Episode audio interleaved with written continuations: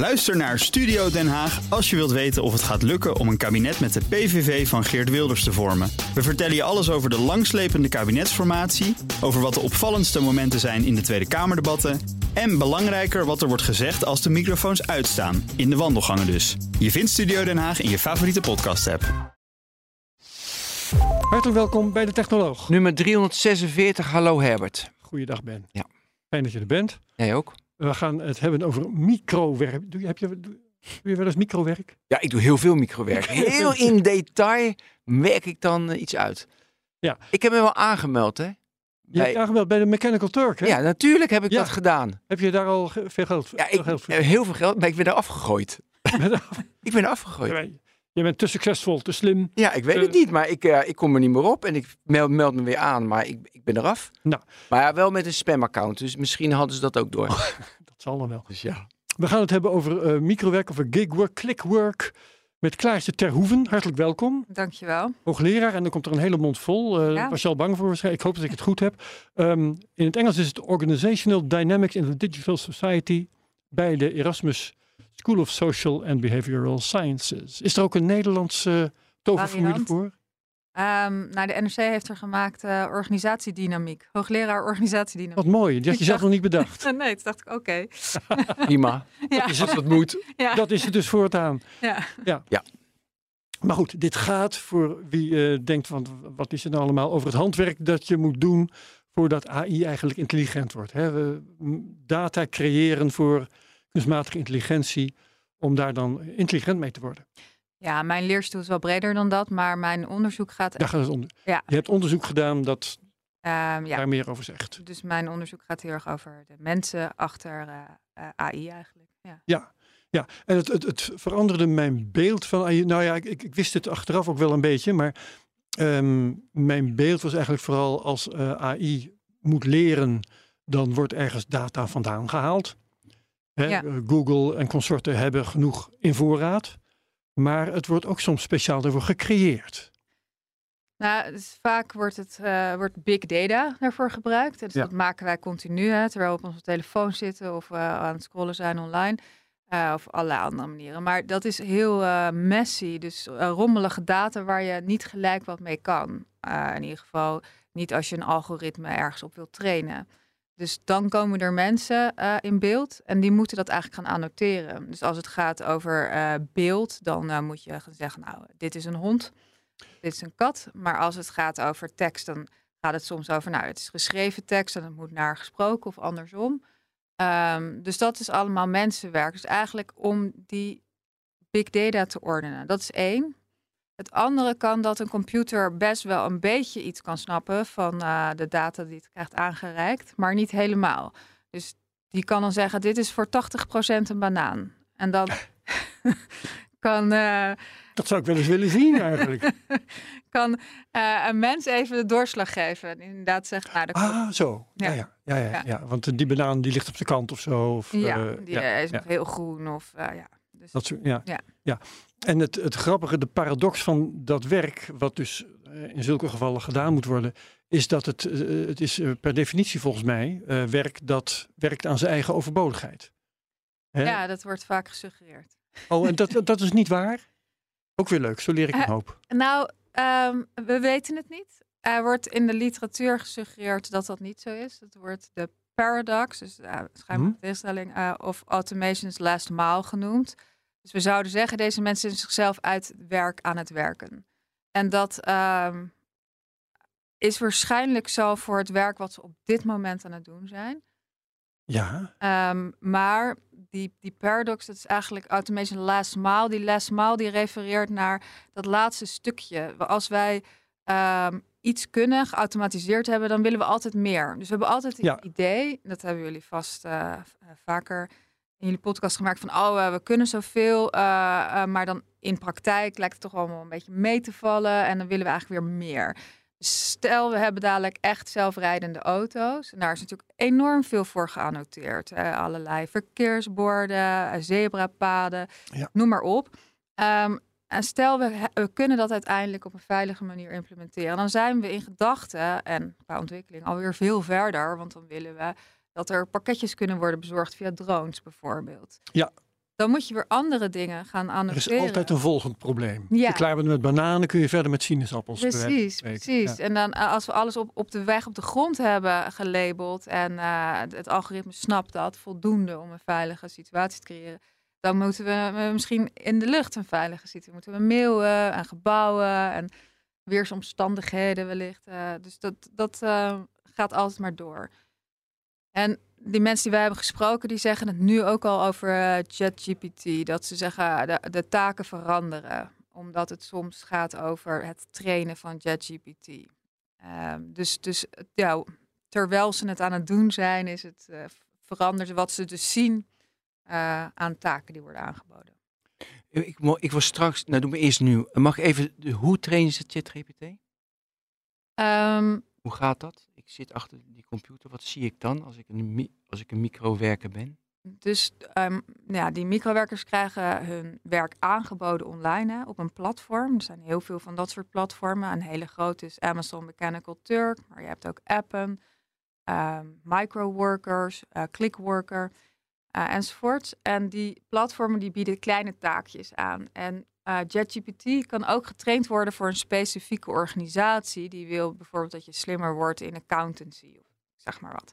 En dan eh, kan dat bedrijf specifieke taken aan gaan bieden ehm, die helpt om JetGPT daarop slimmer te, trainen. daarop te trainen. Ja. Dus je pakt de, de data van dat bedrijf.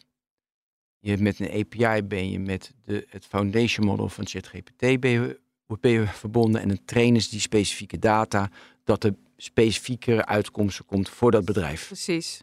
Dat, Dat doen ze dan. worden. eh, Maar hoe weet iemand in Kenia voor 2 dollar per uur dan wat daaruit moet komen? Dat kan toch alleen maar iemand zijn die bij dat bedrijf zit? Wat is toch specifiek voor het bedrijf? Ze weten niet wat eruit moet komen. Ze weten alleen, ehm, hier krijg ik, eh, ik zeg maar wat, hè, een bonnetje aangereikt. En ik moet eh, de foto van dat bonnetje overtypen. Ja. Ik wil ook nog even terug naar die, ik moest denken aan die banaan. Dat is zeg maar reCAPTCHA van Google. Dat kennen mensen allemaal dat je bruggen moet herkennen. Ja. Dan doen wij het, gra dan doen wij het gratis. Dan zit er geen ghostworker, maar wij doen het als mens. Wat natuurlijk verschrikkelijk asociaal is. Maar dat ja, doen we eigenlijk de hele tijd. Hè? Want we, we, we genereren of we creëren die big data al. Eh, dus dat doen we al gratis. Ehm, en dan eh, door dat soort captcha's doen we dat ook. Door te zeggen, dit is een zebrapad. En deze Ja, en- precies. En dat is dan weer, ehm, ja, help je dat algoritme Ja. trainen. Je vertelde net over de zelfrijdende auto. Het zijn toch, heel veel gaat toch vanzelf. En alleen maar als je een, een phantom brake hebt in je auto of eh, hij herkent het niet dat hij dan stuurt naar Tesla en dan zeggen ze, oh daar ging het fout, wat is er aan de hand? En dan blijkt er een fiets op een, eh, op een, op een auto te staan, weet je wel. En daardoor denken ze, oh ja, en daardoor ging het fout. Ja. Maar het zijn toch alleen maar de edge cases die ze moeten annoteren? Maar daar moet je eerst komen. Hè? Ik bedoel, eerst moet je wel een fiets kunnen herkennen. En, en een algoritme is natuurlijk In het begin hartstikke dom. Ja, ik dacht al dat hij al zo slim was dat hij fiets herkende. Maar inderdaad, dat is natuurlijk de eerste stap. Ja, je moet eerst weten wat een zebrapad is. Dus je moet heel veel zebrapaden voeden, paden voeden. En dan, als hij er zoveel heeft gezien, dan snapt hij, oké, dit moet wel een zebrapad zijn. En eh, hetzelfde met een fiets of een verkeerslicht, et cetera. We hadden hier vier of vijf jaar geleden iemand van TomTom Ja. in de technoloog. Ja, Die vertelde dat ze toen 10.000 mensen hadden in India die aan het annoteren was met verkeersborden enzovoorts. Ja. En zijn stelling was toen, zijn naam natuurlijk kwijt, want ik verzin dit ter plekke. Eh, zijn stelling was van, oké, het bedrijf dat de meeste mensen heeft die heel snel annoteren en heel goed annoteren, dat is bijna de winnaar in, Ja. in, in kunstmatige intelligentie. Dat is toch niet uitgekomen? Of is dat, is dat echt zo belangrijk? of Oeh. zij het meest dan de winnaar zijn. Ja, Ja, de winnaar, of dan hebben ze echt een voordeel. Want ja, nu zie ik inderdaad, er is een platform, daar gaan we straks dieper op in, ja. op de Mechanical Turks enzovoorts. Ehm, die ja, dat is gewoon een platformbedrijf. En eh, ik geef als TomTom of ik geef als Amazon of wie dan ook, of Google geef ik een opdracht. Of OpenAI en dat moeten ze uitvoeren. Ja, ik denk dat diegene bedoelt dat ehm, ja, mensen die met AI werken vaak eh, zeggen, ja, mijn eh, natte droom is echt om eh, een heel goed geannoteerde dataset te hebben. En dan dat je daar goed mee kan werken, inderdaad. Ja. Da- ehm, en die datasets hebben waarvan je weet, dit klopt allemaal. Hier kan ik mijn algoritme gewoon netjes op trainen. Dat is heel waardevol. Ja. Ja. Maar toch vanaf, G, nou, voor mij GPT-3 was het volgens mij, dat ze al veel viezere data kunnen, eh, kunnen screpen, gewoon plat. Ja. En dat ze minder hoeft te annoteren, dat, is het, dat het, het AI het al sneller oppakt. ja. Dat is toch ook de ontwikkeling, dat je minder hoeft te annoteren de laatste jaren. Nou ja, dus dat ehm, heeft natuurlijk te maken met het werk wat er al achter zit. Dus eh, in die zin wordt er steeds meer, weet je, is natuurlijk getraind Ja. op de fiets, op eh, de banaan, et cetera. Ehm, maar ja, we- Maar het is niet helemaal je vakgebied, maar naar mijn idee kan de AI tegenwoordig al zelf meer. Dat is natuurlijk al wat is getraind, dat snap ik. ja. Maar eh, ja, daardoor is het natuurlijk. Nee, ik dacht van straks gaat AI toch veel beter annoteren. Maar je ziet bij social media bijvoorbeeld dat het heel lastig is. Want ze kunnen die feed kunnen ze ook niet met een AI schoon krijgen. Weet je, dan moeten ook heet het mensen wat wel mag en niet mag. ja, hoewel ze daar dus, hè, dat hebben die Kenianen gedaan voor JetGPT. Mag ik je even Ja. onderbreken? Want Ja. eh, je zit net verkeerd voor de microfoon. Eh, Oh. het- het is, ik hoor het geluid nu en dan wegvallen. Dus blijf ietsje meer bij de punt van de microfoon in de buurt als je Ja. wilt. Anders dan horen Voor mij we moet je iets naar rechts het verschil. Oké, wat over de, de Kenianen?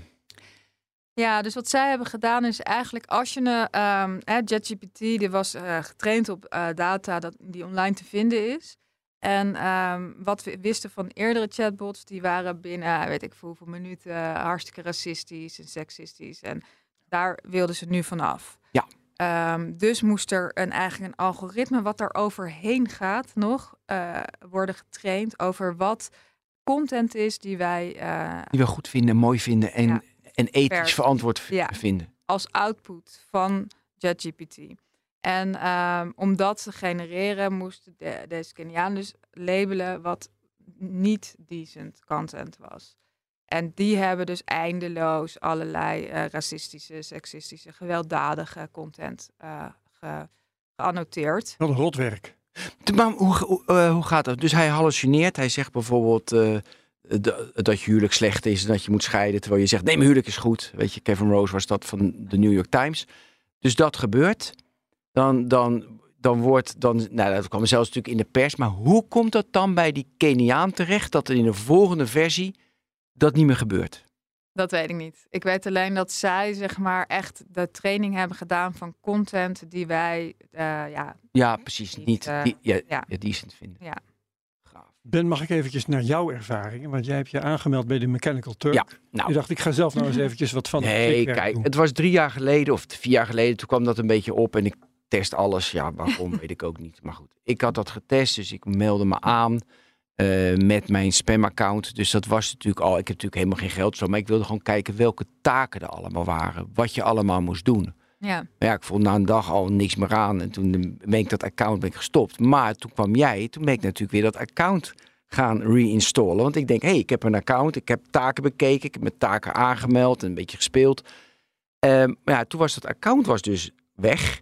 En dus ik heb mij naar de helpdesk, geen mensen, naar de helpdesk gevraagd, joh, ik wil reinstall mijn account. Nou, toen kwam ik in een, in, in een dark loop. Eh, dat was niet best hoor. Dus uiteindelijk eh, is, ja, als ik door had gezet, of niet, weet ik niet. Maar ja, maar het Ja. was ook, weet je, dat zit ook in mijn account zit ook spam. Dus dan denken ze, ja, dat is spam. Maar de eerste keer kon ik er wel op. ik Dus dat is mijn of jouw ervaring. account het probleem was hoor. Wat, nee, ja, dat moet je even vertellen, want je, had, je hebt hele mooie verhalen. In de voorbereiding zag ik dat, over hoe dat gaat. Even, wil jij beschrijven, zou ik heel leuk vinden bijvoorbeeld, maar ehm, bij appen bijvoorbeeld, heb ik me natuurlijk ook aangemeld, hoe dat gaat en welke type taken en hoe ze met je omgaan. Ja, want jij hebt onderzoek gedaan ehm, naar hoe vo- vooral Euro Europe- Europeanen Ja. ehm, werk doen voor dit soort bedrijven. Ja, precies. Dus eh, we weten wel veel over Amerika en ook wel India. En, eh, en ik was eigenlijk benieuwd, oké, dat klinkt allemaal niet heel rooskleurig. Ik ben eigenlijk benieuwd, hoe zit dat in Europa? Want er zijn ook heel veel van die platformen actief in Europa. Dus wij hebben onderzoek gedaan bij de 27 eh, Europese landen die bij de Europese Unie zitten.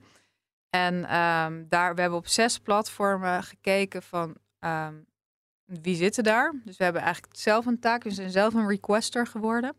ehm, een taak aangemaakt, een vragenlijst. En ge- ge- ehm, heel kort gevraagd, goh, eh, wie ben je? Niet, niet qua naam, maar meer eh, demografische variabelen. En ook eh, hoe, hoe vaak doe je dit werk en wat voor een type werk. Oké, ik, ik begreep het even verkeerd. Een request, met andere woorden, eh, je hebt je voorgedaan als opdrachtgever. Ik was een opdrachtgever, ik betaalde namelijk. Zelfs dat. Ja, de universiteit, Nee, hè? En dan kwam de, in- Ja, er ja, kwam ja, de integriteitscommissie van de universiteit. Kan je dit wel maken? Ook wel een leuk verhaal. Ja, nee, ik krijg altijd, eh, ik krijg hele eh, tegenstrijdige vragen altijd van integriteitscommissies. Dus aan de ene kant ehm, krijg ik de- van de commissie van de eh, European Research Council, die dit onderzoek financiert, de vraag: betaal je wel genoeg? en, en ik heb me gelukkig gehouden aan standaarden die andere wetenschappers al bedacht hadden, samen met werkers. Dat, dat dit, weet je, dat je betaalt wat het minimumloon is in het land van waaruit je onderzoek doet. Uh, dus dat, daar heb ik een wage pledge voor getekend, zodat ik niet, uh, terwijl ik uitbuiting aan het bestuderen ben, mensen uitbuit. Hmm. Ja, Ehm, ja, ja. Dus dat, dat doen wij. Um, maar dat vindt inderdaad, uh, onze ethische commissie vond dat dan weer te veel. ik wil zeggen, want ik, nou ja, ethisch, het lijkt mij ook een methodologisch probleem. Als je onderzoek doet naar nou ja, een platform waar mensen onderbetaald worden, wat een mogelijk probleem is. Ja. Als jij dan niet mag onderbetalen, ja, precies. dan krijg je een verkeerde selectie ja. van, uh, van uh, onderzoekssubjecten. Ja, nou ja, dat is sowieso een probleem bij deze doelgroep. Uh, is, het is heel moeilijk precies je vinger op te leggen hoeveel mensen er zijn, omdat er enorm verloop is. Dus de mensen die, ja. die in en uit gaan, is iets van 73 procent. Um, die dus een hele bulk van het werk doen, omdat uh, ze 73 procent zijn. Wat is ook een hele andere manier van over hun werk nadenken. En het zijn er meer dan 20 miljoen, hè? Ja. Ja, meer dan 20 miljoen. Maar 73 procent, hoe lang blijven ze dan? Is dat een week? Of? Nou, de, um, kijk, wij hebben ze dan toevallig gecatcht op dat moment dat wij dat onderzoek aan het doen waren. Maar um, daar heb je het meer over maanden of zo. Maar dat okay. kan ook heel erg zo'n verhaal zijn als jij net vertelt. Ja, ik daarom. ga het even proberen. Bijvoorbeeld mensen er zitten even tussen banen in. Of ze hebben erover gehoord en denken, nou, misschien is het wel wat. En dan doen ze het en denken ze, nou, is niet voor mij. Ja. Gaan ze weer door. Maar dan, goed, dan kom ik op app. We moeten even door. Je, ja, dus, door, zeker. Ja. Je komt op appen, bijvoorbeeld. Ja. ja. En dan? App is toevallig, werkt iets anders dan de andere. Oh. Um, dus zal ik eerst even vertellen ja. hoe het algemeen... Dus je komt bijvoorbeeld op Amazon Mechanical Turk of Clickworker. Daar heb ik zelf inderdaad ook uh, op gezeten om eens even rond te kijken. En uh, wat je ziet is allemaal rijen eigenlijk met taakjes. Vaak vrij cryptisch beschreven. Maar als je het een post doet, dan begin je wat te snappen wat het allemaal uh, betekent. En dat kan inderdaad zijn dat je um, dus het labelen van afbeeldingen. Um, dus zeggen wat iets is of vragenlijstjes beantwoorden. Dat kan voor marketingdoeleinden zijn, maar kan ook voor wetenschappers zijn. Voor 25% van de taken. Um, het kan zijn, vaak gaat het over tekst. Dus uh, bijvoorbeeld tekstfragmenten, audio omzetten in geschreven tekst. Um, dus als iemand een bepaalde hè, talen beheerst, dan kan dat voordeel hebben. Want je wil soms een algoritme trainen op Portugees. Um, dus de, ja, dit zijn voorbeelden daarvan. Ja, uh, search engine zag ik, social media labeling zag ik. Ja. Dat zag ik bij appen allemaal staan. Ja, nee, bij appen ben je net iets, ja, uh, het woord in dienst is niet helemaal correct, maar je wordt eigenlijk vaak aangenomen voor een uh, uh, project. Dan word je nog steeds wel betaald per taakje. Dus dat zijn nog steeds die microtasks, piepkleine taakjes waar je ja. heel weinig voor krijgt betaald. Maar um, je kan dan op een langer project zitten. Je kan inderdaad bijvoorbeeld voor een um, autobedrijf uh, worden gevraagd om uh, hun spraakherkenning te trainen. Dus dan kan je aan de auto vragen, uh, zet de verwarming wat warmer. Dan moet dus, die, moet, die, die zet... taak moet veel worden uitge, uitgevraagd. Ja. Want het is bij de meeste auto's nog heel slecht. Ja. ja dus ja. moet veel vragen. Ja. Maar ik vond het een beetje vaag. Weet je, dan heb je van de Search Engine Evaluator van Pauser. En ik kwam allemaal Arrow, Butler, Amour, Chris. Ik had allemaal bedrijven. Ik dacht van, hoe zit die hele structuur in elkaar? Wat voor type bedrijf? Kijk, de Mechanical Turk van Amazon, weet ik. Amazon, is een business van Amazon. Ja. Maar Clickwork, wat voor type bedrijf is het? Zit er funding in? Zitten er, wie, wie hebben er belangen bij? Heel vaak zijn, dus ik kon, en jij kan het ook doen, kan daar gewoon op gaan zitten als requester, dus als of als persoon of als business, maakt niet uit. Dus dat kan iedereen doen. Ehm, en dan kan ik er een taak op zetten. En dan zeg ik, dat kan ik ook op Amazon doen. Dan kan ik zeggen, Ja. van, nou, ik ga er zoveel voor betalen.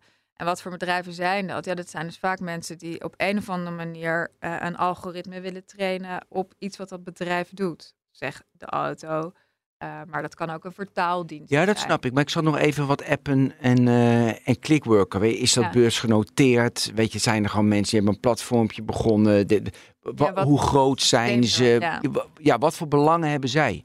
Ja, dit is een goede vraag. Er zijn heel veel mensen de hele tijd proberen dat te onderzoeken. Wat we nu, ehm, het is niet mijn onderzoek, maar wat ik nu eh, hoor, is dat het vaak toch, bijvoorbeeld Microsoft heeft een hele grote eigen, waar je dan via Oh. Clickworker bij kan komen. Dus je kan het alleen via Clickworker, kan je voor hun werk doen. Je, ik kan daar dus niet zelf bij Ja. komen. Ehm, en de Amazon is eigenlijk een beetje hetzelfde. Er zit natuurlijk een groot bedrijf achter, er zit Amazon Ja. achter.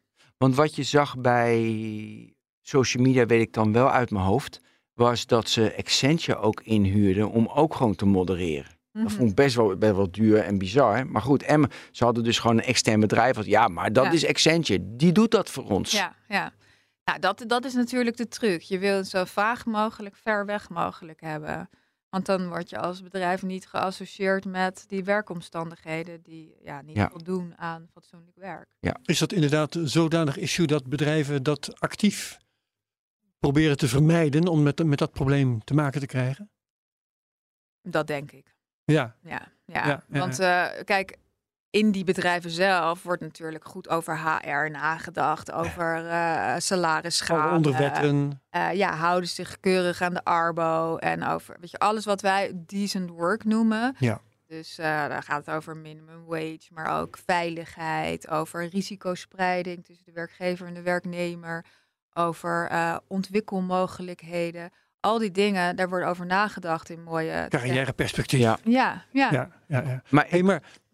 ik, mag ik even bij de requester blijven Ja, ja, oké. Ja. En daarna naar, de, naar de persoon die het uitvoert, naar die ghostworker, die requester. Zit daar ontwikkeling in? Heb jij gezien dat dat, dat verandert de afgelopen jaren of, of dat is vrij st- stabiel? Je bedoelt wie het vraagt? Ja, wie het vraagt, ja. Ik denk dat dat eh, verandert, ja.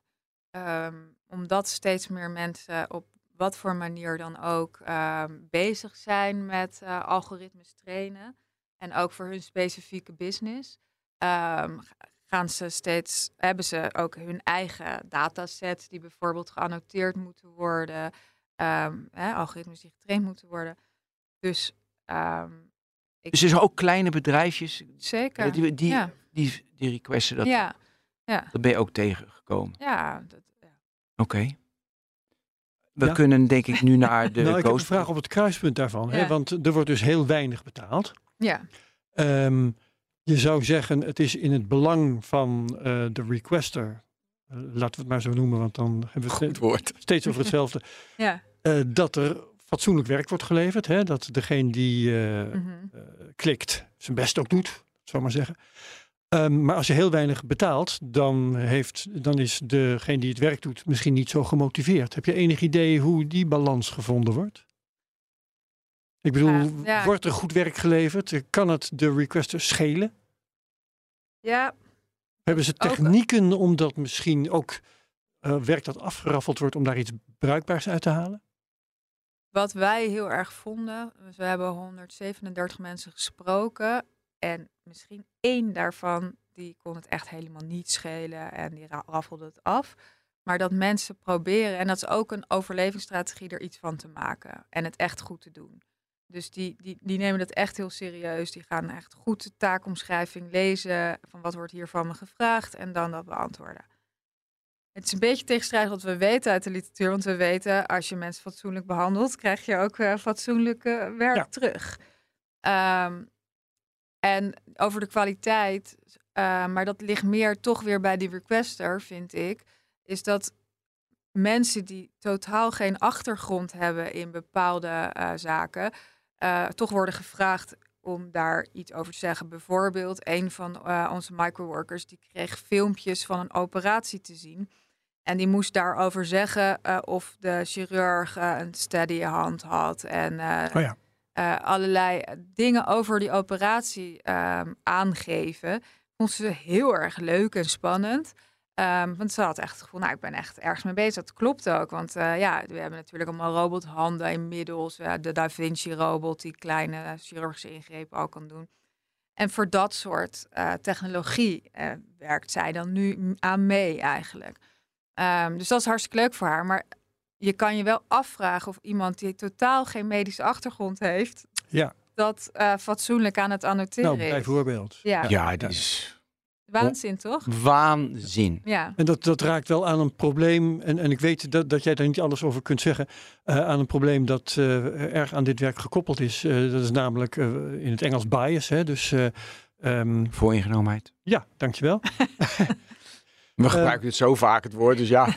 er is van alles aan de hand met, met die club van die populatie van, van ghost workers. dat zijn namelijk mensen die, nou ja, het algemeen aan ander werk niet kunnen komen.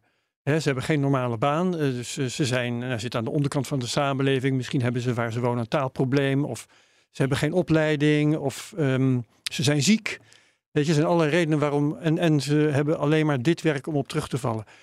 Um, ja, dat is, dat is een, uh, een bepaalde selectie uit de, de, de bevolking. Ja. Die niet representatief is. Uh, als je zo, dan, dan is bias, dat vraag ik je dan toch maar in heel in het algemeen, is toch onvermijdelijk?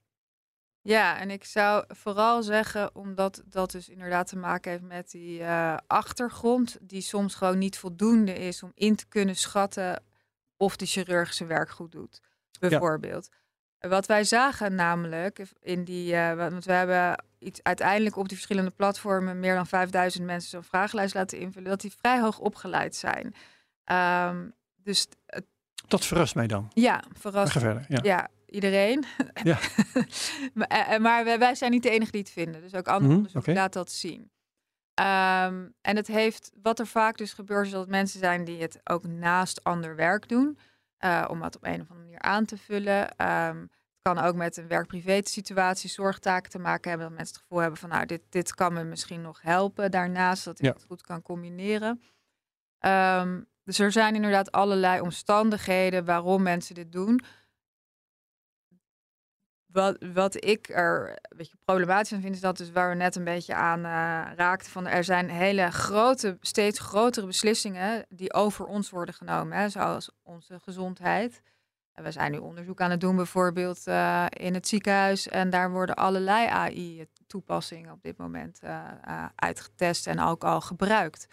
Um, uh, in het juridische systeem wordt dat, is, gebeurt dat ook. Ja. Dus al die jurisprudentie moet erin Ja. en moet gecodeerd worden en uh, geannoteerd Ja. erop. Nou ja, dat is op zich tot daar, dat, dat is vrij objectief werk. Hè? Dat, Ja, eh, maar als, dat als iemand dat doet in Duitsland met een anxiety probleem, Oké. totaal geen juridische achtergrond Nee, ja. heeft.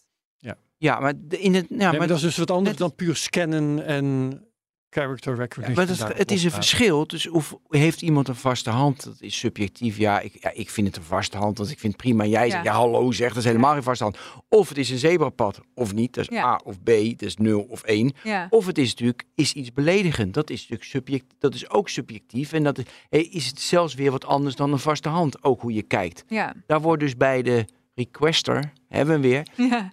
Wordt dus geen rekening mee gehouden. Het is gewoon, we gooien gewoon een opdracht die ik heb, gooien we erop. En Ja. we, ze kunnen natuurlijk wel mensen weigeren die ze niet willen dat die taak uitvoert. Mo- eh, moet je, ik, ik hoefde niet een profielschets van mezelf eh, met opleidingen zo bij de Mechanical Turk in te vullen. Nee, dus soms is het vooral met taal. Dus op dat dat, gebied- ja, dat vroegen ze wel, ja. Ja, Ja. dus eh, en, en daar, weet je wel, wij, wij- praten met allerlei mensen in heel Europa. En die, dus die doen ook vaak vertaalachtige klussen, omdat die, hun specifieke taal dan eh, gevraagd wordt voor het Ja. trainen van dat specifieke algoritme. En, ehm, maar verder niet inderdaad. En dan kan je je toch af gaan vragen, ja, als dadelijk wordt besloten op basis van AI of eh, iemand eh, vastgezet wordt of al dan niet terug de samenleving in mag. Of, Ja. Maar die discussie hebben we ook heel vaak. Kijk, je bent nu de input aan het veranderen. Maar uiteindelijk gaat het erom wat de output wordt. Dus als je Ja. de output wel schoon, netjes, eh, volgens de wet houdt. Joh, dan, ja, dan had je een verkeerde input. Ja, had je, maar beter moet, had je dat maar beter moeten doen. Ja. Want er komt de hele tijd slechte output uit. Of heb, maak ik nu een denkfout? Nou ja, het lijkt mij belangrijk dat die input, Input. belangrijk is. eh, als wij uiteindelijk overgaan tot, nou ja, niet- en wat integreren. Ik denk niet dat, dat AI's het voorlopig over gaan nemen. Nee. Maar, ehm, en dan, dan komt er, ja, er komt sowieso bias. Want sommige data verzamelen we natuurlijk wel en andere niet. Ik Ja. bedoel, online, Ja. big data. We hebben niet over alles big data. Ehm, dus dat is al problematisch. Eh, en ja, dus bias, ik, ik denk niet zozeer omdat die mensen een bepaalde ehm, eh, ja, weerspiegeling zijn van de, van de bevolking, maar meer dat eh, we het niet weten. En eh, op dit moment lijkt niemand daar heel erg eh, zich over op te bezig te houden. En dat, Ja. Wat niet weten? Je zegt? we weten niet zo goed wel over de mensen die dat doen. Ja, precies. Die microworkers, want ik bestudeer nu, eh, ik eh, heb een klein team en we bestuderen Europa. Nu krijgen we vijf jaar voor. Ehm tuurlijk zijn ook onderzoeken over Amerika en India, maar wie zijn die mensen die, die eigenlijk nu al die data aan het trainen zijn, of die data aan het annoteren zijn, waar algoritmes op getraind worden? Dat zouden we moeten willen weten vanwege de kwaliteit van het product. Dat zou moeten. Maar ik zou nog iets anders willen weten. En ik, ik eh hintte daarnaar zo net. Ehm, ik weet namelijk, je, je kunt namelijk door statistiek toe te passen, eh, eh, kun je voor dit soort zaken tot op zekere hoogte corrigeren. Hè, als je één en hetzelfde, eh, één en, één en hetzelfde scène door tien mensen laat Ja, beoordelen, met dat, je, nou, dan, je, dan kijk je de gewoon van of er zes zijn die hetzelfde ervan zeggen. En, eh, of, of je laat alleen de, eh, de extremen, die laat je eraf vallen. Ja. En dan kun je, dan kun je een hoop eh, aan je data verbeteren. Ik weet alleen niet of het dan goed genoeg wordt. Ik weet ook niet of het gedaan Nou, wordt. top idee, wel. alleen het is te duur, maar top idee. Eh, ja, Dan moet je ze nog minder betalen, die zes. nou, dat zijn op zich dat zijn puur wiskundige bewerkingen. Ja. Die Ja, eh, niet heel veel wel. extra werk. Ja. Want dat is het idee van eh, eh, waarom het ook wel crowdwork wordt genoemd. We zetten de crowd erop. ja, een hele hoop mensen moet je hetzelfde laten Ja. doen. En eh, dus het maakt me niet uit wat jij betaal je ook zo persoonlijk, weinig. ja, persoonlijk een appel vindt of niet. Maar als genoeg mensen dat zeggen, dan, ja, dan betaal ik jou niet omdat jij banaan zei. En dan eh, gaan we gewoon allemaal verder. En of jij dan, weet je, ooit terugkomt. Of jij nog steeds vindt dat het een banaan was. Voor jou 7000 anderen. Ja. Ja, ja, ja. Hey, ehm, zullen we het gaan hebben over het onderzoek? Want eh, dat, dat doen we nog niet echt, hè, over jouw onderzoek praten. Ehm, eh, want je deed het allemaal in het kader van een onderzoek. Ja. Wat wou je precies weten? Ehm, wij zijn benieuwd naar de werkomstandigheden van deze mensen. Ehm, en we zijn benieuwd hoe die werkomstandigheden invloed hebben op het welzijn van deze microworkers. Goed punt. Ja. Ja. En weet je dat nu al? Want dat wil ik eigenlijk meteen weten. eh, Of die mensen daar doodongelukkig of het juist geweldig vinden. Het is natuurlijk veel complexer altijd dan Ja, gewoon eh, ja, nee. Ehm, dus wat, wat we tot nu toe eh, zien is nou ja, van alles. Maar dat ehm, die Want omstandigheden... Zullen we dat eventjes, want wat ik, het is veel beter volgens mij om het even voor ons uit te schuiven. Ja. Ehm, we weten, je, je bent eh, gaan optreden als requester, mensen dus eh, ingehuurd van alles Ja. laten doen. Ehm, maar wat heb je ze allemaal gevraagd? Ja, Voordat je, om, om te weten te komen ja. eh, of ze dit eigenlijk allemaal wel leuk vinden. Nou, we, we zijn begonnen. Dus de opzet is zo dat we wilden eerst gaan groot beginnen. Dus in Europa en eh, een soort van net uitgooien van wie zit hier allemaal in Europa en waar. Eh, dus daarom wilden we platform, dat op platformen uitzetten die in heel Europa actief zijn. In, die zeven- in 27 eh, EU-landen actief zijn. Dus daar hebben we op zes van die platformen hebben we kleine vragenlijsten uitgezet als requester. En daarin hebben we uh, achtergrondvariabelen, demografische variabelen uitgevraagd. Dus gender, leeftijd, wat voor een werk ze doen, of ze het naast ander werk doen, wat voor type taken ze zoal doen, hoe vaak ze het doen, hoe erg ze daarvan afhankelijk zijn. Um, en dat hebben we, dus dit soort type vragen. We hebben ook nog wel een open vraag gesteld. Wat vind je het, uh, dat is eigenlijk heel grappig. Um, wat vind je het uh, uh, leukste of aantrekkelijkste aan dit werk? En wat vind je het uh, minst aantrekkelijk aan dit werk? En dat hebben we allemaal met de hand gecodeerd. En bij het aantrekkelijkste er kwam uit money. En ja. onaantrekkelijkste money. Ah ja. Weer een paradox. Ehm, maar goed, goed, goed te begrijpen natuurlijk. Dat Ja. ze het doen om, da- om wat extra te verdienen. Maar wat ze er nou eigenlijk mee verdienen is heel weinig. Ja. Eh, dus dat hebben we dus bij meer dan 5000 mensen die vragenlijst hebben uitgezet. En, eh, of daarvan hebben we respons gekregen. En ehm, daar hebben we ook gevraagd, ehm, wat eh, zou je ervoor openstaan om geïnterviewd te worden? En dat hebben eh, we uiteindelijk bij 137 van die mensen gedaan die dat zeiden. Ja. Die, die hebben ook een e-mailadres gegeven. eh. Nog, nog even iets over de manier waarop je dat gedaan hebt. Het, het invullen van zo'n enquête was het in feite. Mhm. hè? Dus het, het antwoord geven op je vragen. Dat was in feite de klus waar ze voor betaald werden. Ja? ja. Eh, en dan zeg je van ja, dat dan allemaal weer inventariseren. Waarom heb je daar geen gigworkers, eh geen clickworkers voor ingehuurd?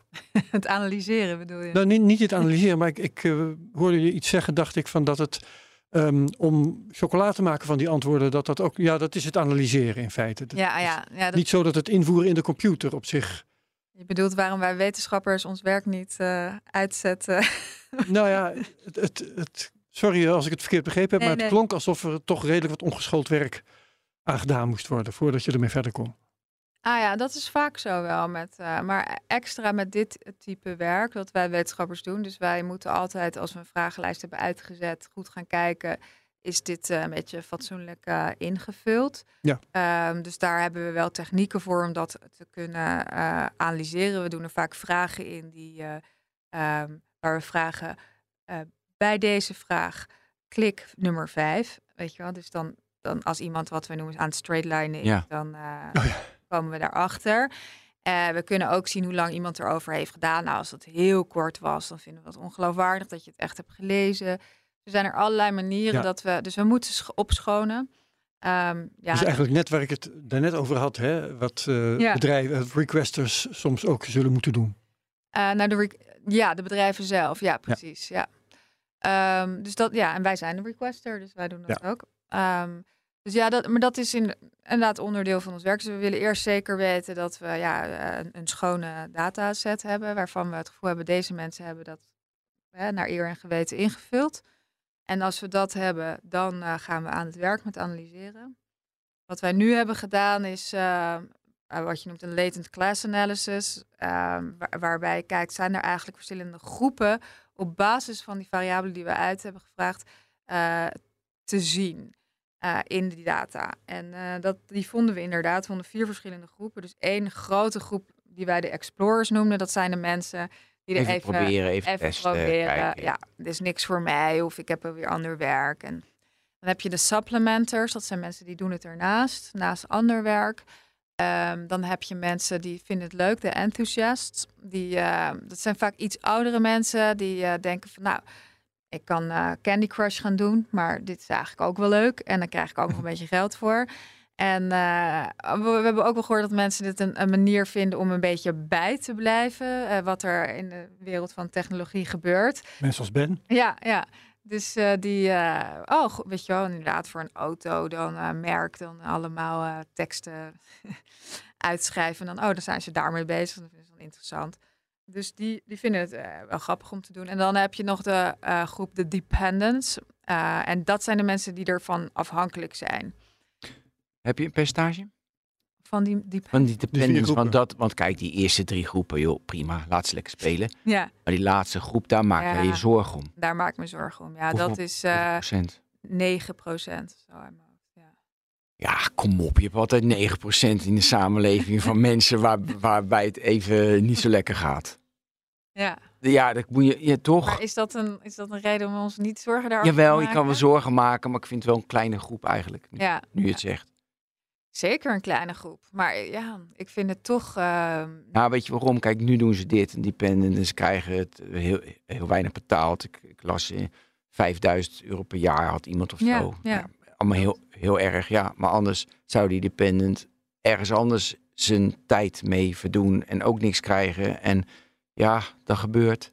Ja, nou dat is zo. Dus ik, ik eh, ga ook hier niet zeggen dat dat niet gebeurt. Maar ik vind wel dat we moeten kijken eh, naar werk. Het is een grotere gro- groeiende groep.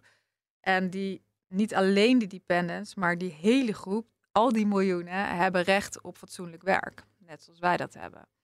En eh, het feit dat ze dat dan naast iets doen En daardoor bijvoorbeeld hun eh, sociale zekerheden via een andere baan hebben geregeld. Of al wat ouder zijn en het geestig vinden eh, en het zien als Candy Crush. Maakt eigenlijk niet uit. Dus voor mij, jij zegt, oh, we halen al die anderen eraf. Daarvoor maakt het niet uit dat ze geen fatsoenlijk werk Maar dat hebben. maakt ook uit voor de eerste drie. Ja, tuurlijk. Iedereen heeft recht op fatsoenlijk werk. Dat, dat hebben we met z'n allen afgesproken met de International Labour Agreements, ehm, eh, de United Nations, noem maar op. Ja. Eh, dus we, ook al hoeven we misschien hier in deze Kamer iets minder medelijden te hebben met die mensen die het ernaast doen, ehm, maakt niet dat zij geen recht hebben op fatsoenlijk werk. Ja, ik heb altijd bij dit soort eh, dingen van, ze hoeven het niet te doen. Dat, dat argument zou je heel veel horen natuurlijk, omdat je hier, hier onderzoek naar doet. Wat, wat zeg je tegen die mensen als ze zeggen van, ja, je hoeft het niet te doen. Je hoeft niet een ghost worker te zijn. Ja, Maar de dependents in elk geval wel. Ja, nee, maar die kunnen ook, wat, die kunnen ook gaan 9%. tomaten plukken in het Westland. Weet je wel? Dus ja? je ook hoeft het niet te doen. Ja. Mm, maar is dat dan weer een argument voor dat we het oké vinden dat, dat er Nee, maar onfatsoenlijk werk is? Dat vinden we nooit oké. Nee, precies. Weet je, want mensen, je moet fatsoenlijk zijn naar mensen toe. Ja, Maar nu geef je zeg maar de, ja, ja, de, de, de appen de schuld. Of ja, die, daarom vroeg ik wat zit erachter. Ehm of Amazon de schuld. Of Microsoft. Maar je kan natuurlijk ook gewoon, ja, mensen hebben zelf ook een rol. Dus ja, als je het niet doet, dan hebben zij een probleem, hè. Dus als nu massaal die 22 miljoen mensen of 20 miljoen mensen zeggen van ja, dag, ja, ik ga dat echt niet doen. Dat, kijk, je ziet het nu een beetje, het is een heel ander onderwerp, maar je ziet het nu een beetje in de restaurantwereld. Weet je, Ja. ze krijgen geen personeel. Ze hebben een probleem. Dus ik was gisteren in een restaurant, heel simpel. Ja, moet je meer betalen, vriend? ja, dat is heel, heel makkelijk. Ja, Maar- heb, je, heb jij minder marge? Ja, weet ik. Nee, dus dat, dat, dat is waar. Maar dan blijft nog steeds het argument. ehm, dit is werk wat Big Tech nodig heeft om een product verder te ontwikkelen. Waar zij ongelooflijk veel mee verdienen. Ja. Ja. Waarom zouden wij dat eh, eh, oké vinden?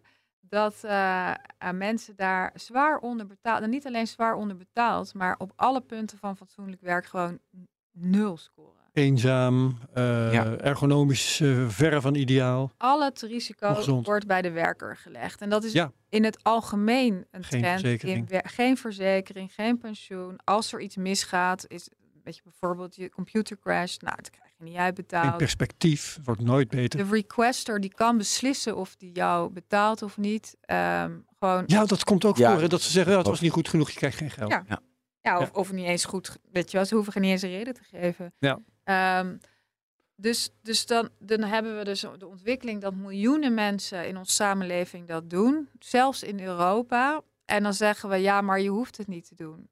Ehm, nee, wij hebben gewoon met z'n allen afgesproken en handtekeningen ondergezegd dat wij het belangrijk vinden dat we mensen fatsoenlijk behandelen in een werkrelatie. En weet jij iets van de, want we hebben het over de omstandigheden van de werkers. Weet je iets van de omstandigheden van de opdrachtgevers? eh, dat er zo weinig betaald wordt. Is dat omdat het anders niet uit kan? Of is dat omdat ze ermee wegkomen? Ehm, ik denk dat laatste. Ik denk het ook. denk Jij- ik ook. ik dacht van, wat ga je zeggen? Ja, dat denk ik, ja, ze Ja. komen mee weg. Ja. Voor mij moeten Ja. ze... het is in het kader En van dat- de winstmaximalisatie. Ja, En je hebt natuurlijk gelijk, dan zou je kunnen zeggen, jongens, jullie gaan- moeten er gewoon even allemaal lekker vanaf en dan moeten ze gewoon die prijzen op. Maar het probleem is, het ligt andersom. Dus er is ergens, eh, dus een van de klachten die wij horen van al die mensen is, er is te weinig werk. Dus die machtpositie ligt bij de requesters en die kunnen dus hiermee doorgaan, omdat eh, er meer werkers zijn dan werk. dat is toch ook verbazingwekkend met Ja. personeelstekorten overal. Ja. En- Heel erg. Ja. Maar dat is een veelgehoorde klacht, naast inderdaad dat je eraf eh, kan worden ge, Ja, wat voor voorbeelden? Ik vond een heel, heel mooi voorbeeld met die chirurg. Wat voor, wat- met die 137 interviews. Wat kwam je nog meer tegen waar echt je dacht van, hoe kan dit? Nou, dus heel veel is algoritmisch gestuurd. Hè? Dus dat je inderdaad, jij kreeg ook geloof ik niemand te spreken. Nee. Ehm, dus dat, dat is voor mensen die, ehm, die, die zijn ook een beetje angstig. Die gaan in hun hoofd bedenken hoe dat algoritme dan werkt en wat, Ja. Wat die zou willen zien. Hè? Het algoritme van jou zou willen zien, zodat je er niet afgegooid wordt of zodat je niet wordt, eh, ja, eh, even tijdelijk wordt uitgezet, jouw account. En, Dat is een mooi vervolgonderzoek wat de, wat de psychologische gevolgen zijn van mensen ja, die alleen maar aangestuurd worden door een algoritme. ja, Dat ze daar bang van worden. ja, Ja, daar is van bij Uber en dergelijke. Ja, bij Uber is natuurlijk een hele goede voor. Ja. ja. Daar gebeurt Dat is het heel erg vergelijkbaar. Dus En je gaat je als een idioot uitsloven.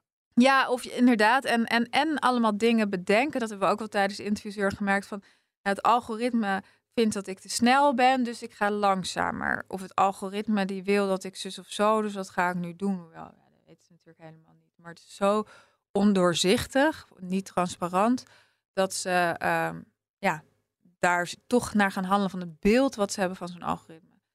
Dus dat, dat eh, hoor je veel. Ja, wat, wat hoor je nog meer? Nou ja, auto's. En nu dus ChatGPT begin je nu een beetje te horen. Dus mensen die, waar we goed contact mee hebben gehouden, die, die, die beginnen nu contact met ons op te nemen. Het werk wordt anders. En dan hoe, oh, oh ja, anders dat nu Ja. met ChatGPT ja, ja, precies. En ehm, nou ja, dus veel, de meest gehoorde klacht is inderdaad dat als je er vanaf dus even wordt gezet, dat je ook je een dag werk kwijt kan zijn. En eh, dan ben je dus, ja, dat is maar een paar euro, maar daar heb je wel de hele dag voor gewerkt. Kwijt. Dus dat Mhm. zijn de echt, echt vervelende dingen, maar ook dat je niet iemand kan spreken. Ook klachten zijn vaak dat, ja, wat jij ook hebt gezien, wat je net ook voorlas, dat het heel onduidelijk is wat er wordt gevraagd.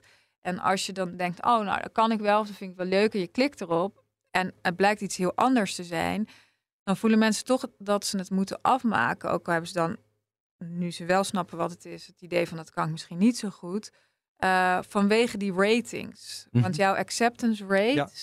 dat is eigenlijk, weet je wel, je kans op weer volgend werk. Ja. Ja. Eh, dus dat is heel vervelend als je dan opeens een taak zit te doen waarvan je niet zeker weet dat je dat eigenlijk wel, of je dat wel kan. Slagen deze mensen er niet in om zich te organiseren? Dat moet toch via sociale media ook wel een beetje lukken? Ja, dat is een hele goede vraag. En ook eentje waar ik heel erg in geïnteresseerd ben. Dus waar, waar ik ook wel meer onderzoek naar wil doen. Ehm, in Amerika, een hele interessante onderzoeker, Six Silberman, die heeft eh, Turk Opticon samen nog met een andere onderzoeker opgezet. En daar, dat is eigenlijk een platform wat werkers helpt, waar ze elkaar kunnen vinden, maar ook waar al bijvoorbeeld scripts op staan die je kan runnen en waar dan de meer fatsoenlijke requesters eruit komen en de onfatsoenlijke die minder betalen en heel weinig betalen uitgefilterd worden. Dus de mensen die echt tech-savvy zijn, die hebben dat soort scripts en die hebben dan, oh, daar is een goede taak. Oh, die requester heeft wat geplaatst. En dan weten ze, nou, dan word ik in ieder geval fatsoenlijk betaald. Ehm, dus in die zin, en daar op Turk Opticom, maar dat is alleen Amerika, eh, is ook wel wat, ehm, ja, or- organization of organizing. Maar niet voldoende nog om tot een fatsoenlijke machtspositie te komen. Precies, en dat, dat fascineert me, omdat het ah, ja, zo onderbetaald is, maar in alle opzichten eh, dus niet fatsoenlijk werk is. En ik heb dat ook steeds wel gevraagd in de interviews. En daar kwam heel weinig uit in de zin van, nou, andere mensen spreken, weet je wel. Die mensen, toch een precaire arbeidssituatie. Maar Ze durven misschien toch niet, want ze kennen jou ook niet. Nee, maar ze de, ook niet. Hun hele levenssituatie is vaak precair. Hè? Dus, Hm. dus eh, een beetje de eindjes aan elkaar knopen. En dus ik interpreteer het vaak nog meer mensen in de mix. Dan wordt het helemaal chaos, veel en onoverzichtelijk. Maar toen eh, de universiteit had een filmpje gemaakt over, over het werk wat ik doe. En er zaten ook drie workers in. En toen eh, werd ons gevraagd weer voor iets anders. of ze wat microworkers konden spreken. Ik mailde wat mensen en stuurde dit filmpje van de universiteit mee. En daar werd toch op gereageerd. Nou, wat leuk om die andere mensen te zien. En, eh, eh, interessant om te horen dat ze tegen precies hetzelfde aanlopen als ik. En nou, een vrouw die inderdaad een behoorlijke angststoornis had, die zei... ehm, oh, nou, ik zou ze echt graag willen ontmoeten. Ze zien er zo aardig uit. En misschien, weet je wel, kunnen we wel een eh, vakbond vormen samen. En ik zei, wat? ik zit jullie dit allemaal te vragen. En allemaal zo, nee, nee. En dan zien jullie elkaar. En dan is er toch blijkbaar, denk ik, gewoon een hele menselijke reactie van herkenning. Een ander persoon die tegen precies hetzelfde aan. Anonimiteit gaat eraf, Juist. tot op zekere hoogte. Ja, dus dat isoleren, dat is ook iets wat steeds meer gebeurt in de werkcontext. Maar dat je steeds meer in je eentje thuis achter een laptop dat doet. Ja, Ehm, ik vroeg me nog af, eh, wat is eigenlijk het verschil tussen dit En uh, het ZZP-werk, waar we in de samenleving in Nederland uh, toch, toch al steeds meer mee te maken hebben. Misschien iets beter betaald, maar ook niet eens altijd volgens mij. Nee, maar daar kan je het wel zelf beslissen. Dus ja. uh, deze nou ja. mensen. Ja.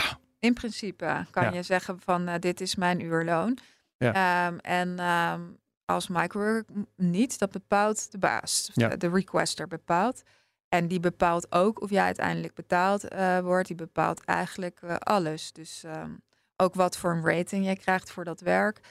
Um, en de requesters worden ook gereed? Want dat zag ik niet bij uh, Mechanical Turk. Uh, nee, die worden dus niet op die platform. Dus er zit in het design dat, ja. van die platformen al heel veel ongelijkheid. En daar zou je al, zonder dat je allerlei uh, uh, wetgeving aan zou passen, dat zou je ook via die route kunnen doen, maar aan zo'n platform het een en ander kunnen veranderen, waardoor die werkomstandigheden al veel prettiger zouden ja. zijn. Hè? Dus bijvoorbeeld dat er altijd een persoon is die je kan spreken. Uh, als er iets misgaat, als jij oneerlijk wordt behandeld door een requester, dan kan je dat aangeven en dan kan je daarover, weet je, zeg niet dat de werker altijd gelijk heeft, maar. Uh, ik, ja, is er nu niet als ik een uh, zo'n platform begin en ik helemaal ESG-waarden uh, en, en ik. En dus dat kan toch? ESG?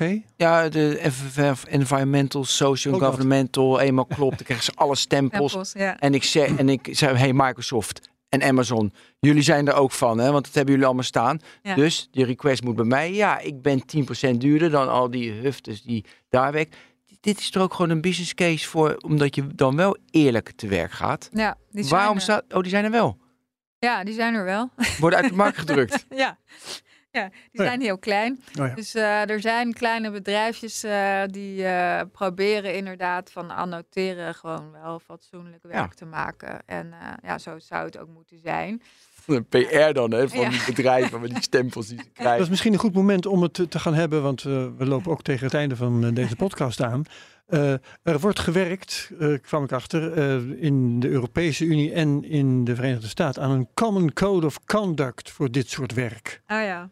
Kun je me vertellen wat, wat die code zou moeten gaan inhouden? Ik weet alleen van de directive en de EU, dus de, over platform labor. Dus dat gaat over al het platformwerk. Dat betekent zowel on-location, dus dat is Uber, Deliveroo, noem maar op. Ja. En het platformwerk wat online gebeurt, zoals microwork. Mm -hmm. Je hebt ook iets meer ZZP-achtig als Upwork, maar en je hebt microwork. Daar valt dit onder, dus dat is de um, EU directive. Het is nog het is nog niet helemaal goedgekeurd, uh, over uh, platform working conditions. Ja. En die gaat over twee dingen eigenlijk. Zouden deze mensen, zijn dat eigenlijk wel ZZP'ers? Want zo worden ze steeds eigenlijk uh, in dienst genomen, alsof het zelfstandigen zijn.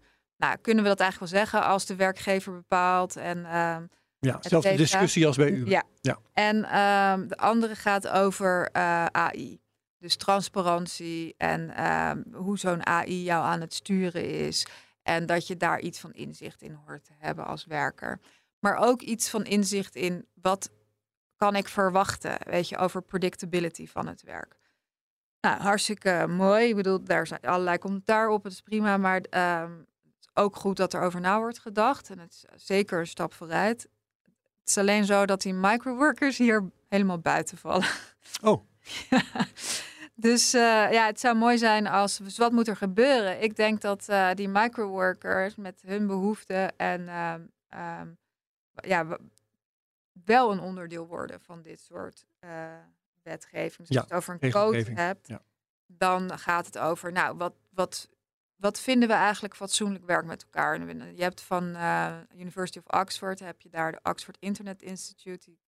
Daar heb je weer Fair Work en die raten allemaal platformen op fatsoenlijk werk. En ook dit soort platformen. En dat is denk ik een heel goed beginpunt om te zeggen: oké, nou deze vijf uh, punten vinden wij belangrijk dat een platform daar minimaal aan voldoet. Ja. En dan. Um, goeie. Ja, goeie. Ja, en da, uh, dat we daarop gaan uh, reguleren. Ja. Maar goed, we gaan even naar Michiel voor, van Capgemini voor een korte commerciële boodschap. Dat is wat we doen. Hallo allemaal, Michiel hier. Heb jij passie voor data en interesse in Azure Cloud? En is jouw kennis up-to-date? Dan hebben wij bij Capgemini de perfecte kans voor jou als Azure Data Engineer. We werken met de nieuwste technologieën bij toonaangevende en inspirerende organisaties aan uitdagende projecten. Bij ons is je werkplek flexibel en werken we hybride. We bieden je gelijk een vast contract, all you can train, auto of treinabonnement en natuurlijk een passend salaris. Iets voor jou? Check de show notes voor de vacaturelink of kijk op werkenbijkapgemini.nl slash data. Ja, Michiel, dankjewel. En uh, heel graag Top, Michiel. volgende week. Ja. Dan uh, even Maar was jij? Want, ja, want de regelgeving, dat, eh, maar het zit niet in de. Want het is nog geen wet dan. Dat is, nu stel je Nee. iets voor. Dus ik zat even te denken: gaat, gaat het in de DSA komen? Nee, want die platformen zijn te klein. Eh, gaat dit in de AI-act komen? Hm, zag ik ook niet zitten. Ik, ik, ik zocht even. Nou, het, Waarin? is heel, het heeft heel erg twee benen. Het heeft heel erg A, dat, dat ZZP versus andere status. eh, en die AI. Dus Ja. zijn, het commentaar wat je er ook vaak op hoort is van ja, eh, je moet die twee dingen lostrekken.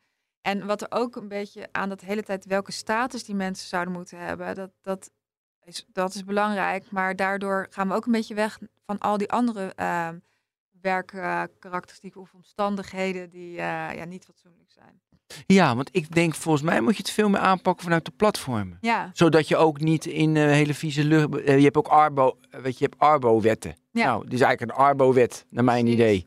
En als je dat doet, daar is al heel goed over nagedacht door Fair Work. Wat zijn dan die punten waar ze aan moeten voldoen? Ja.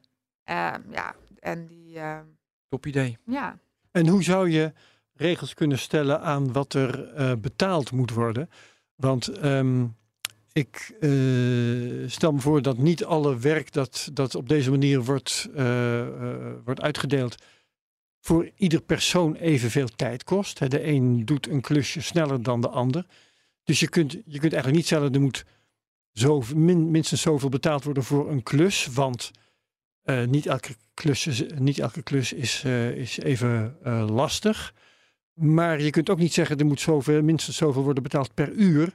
Want niet iedereen doet even, evenveel uren of minuten over een klusje. Oh ja. Dus hoe kun je in vredesnaam van dit soort werk, want het is toch wel een categorie werk, ja. bepalen wat een redelijke betaling is? Nou ja, ik eh, ben dus wel dol op die wage pledge. Die eh, opgezet is ook door mensen die geaffilieerd zijn aan eh, Oxford Internet Institute. En die eh, zegt je betaalt wat het minimumloon is van de requester eh, in dat land. En ehm, ja, over het argument van sommige mensen doen langer over hun werk dan andere mensen. Ik ben bijvoorbeeld heel langzaam, maar ik krijg evenveel betaald als eh, de andere professor bij mij op de gang die snel is. Ja. Dus, dus ik weet niet, met ander werk vinden we dat argument ook niet belangrijk. Ehm, maar gaat het bijvoorbeeld om andere dingen, om kwaliteit bijvoorbeeld. Ehm, dus ik weet niet of dat wel belangrijk is. Ik, zou, ik denk dat je prima kan zeggen per klus van nou, we ehm, schatten dit in. We kunnen bijvoorbeeld met dit werk heel goed zien wat gemiddeld, hoeveel tijd het kost. Ehm, als we 5000 mensen zo'n vragenlijst hebben laten invullen, of dat kan je met iedere klus kan je dat zien. En dan kan je zeggen, nou dan is het redelijk dat we daar en een minimumloon in Nederland, wat is dat, 14 euro, dat we x betalen voor een vragenlijst die gemiddeld zes minuten duurt. Ja, nou ja, dat beschouwen we dan maar als een voorstel. Ja, Wanneer gaat dat? eh, ben je daar ook actief in of je houdt je bij je onderzoek nu? waar, waar ben ik? Nou, met dat Dus die voorstel. belangenbehartiging. ja, die belangenbehartiging, dat verder brengen. Nou, mijn vol... ik eh, heb net... ehm, Je klinkt soms echt als een pleitbezorger van deze misdeelde categorie van eh, werkers.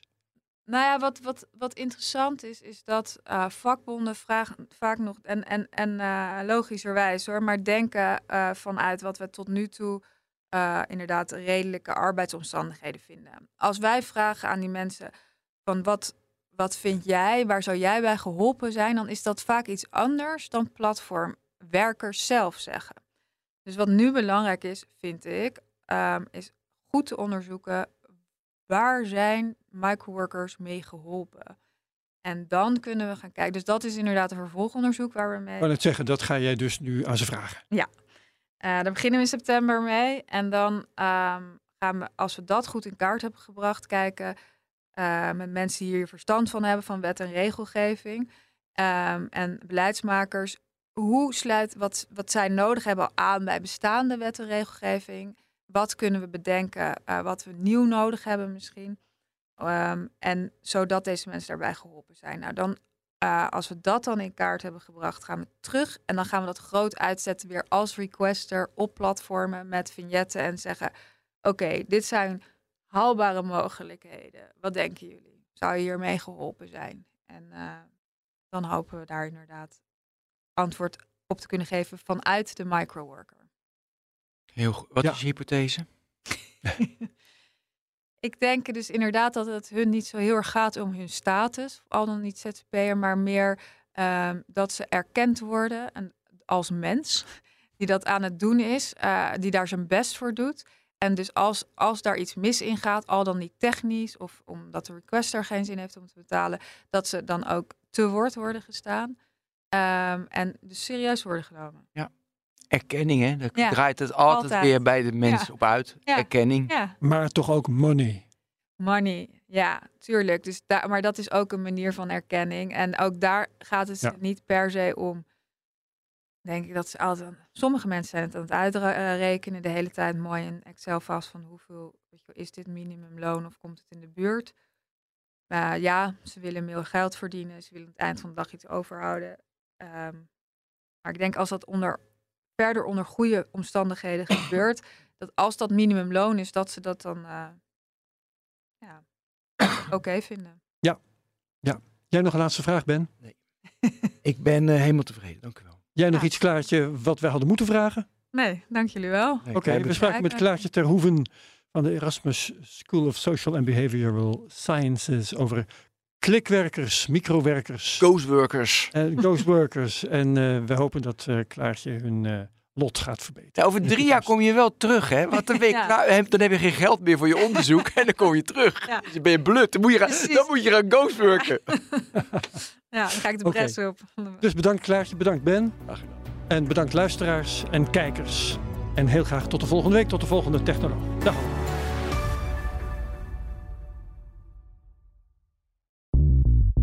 Bij BNR ben je altijd als eerste op de hoogte van het laatste nieuws. Luister dagelijks live via internet. Bas van Werven. En heel langzaam komt de zon op rond dit tijdstip. Je krijgt inzicht in de dag die komt op BNR, het Binnenhof in Nederland en de rest van de wereld. De Ochtendspits. Voor de beste start van je werkdag. Blijf scherp en mis niets.